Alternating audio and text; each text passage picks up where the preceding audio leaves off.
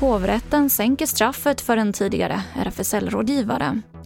Dödssiffran stiger efter översvämningarna i Tyskland och deltavarianten tar över allt mer bland konstaterade fall.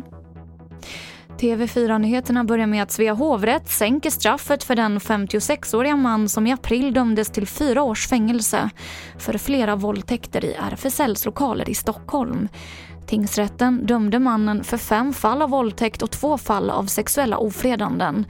Men hovrätten friar honom från två av våldtäkterna och dömer honom istället till fängelse i tre år och fyra månader.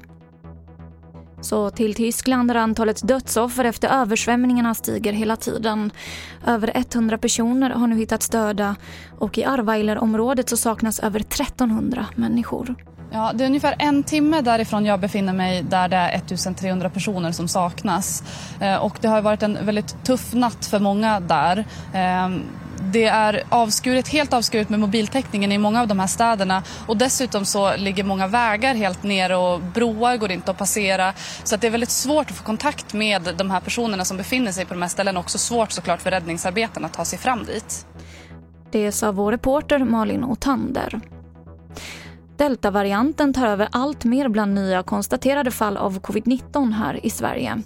För förra veckan utgjorde deltavarianten 60% av 2000 nya fall. Detta jämfört med 40% veckan innan. Och till sist kan vi berätta att flera nya emojis dyker upp i telefonerna under det kommande året. Det här skriver tidningen The Guardian.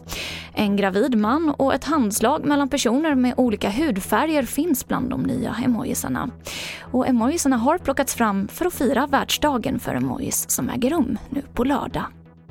Och det här var det senaste från TV4 Nyheterna. Jag heter Emily Olsson.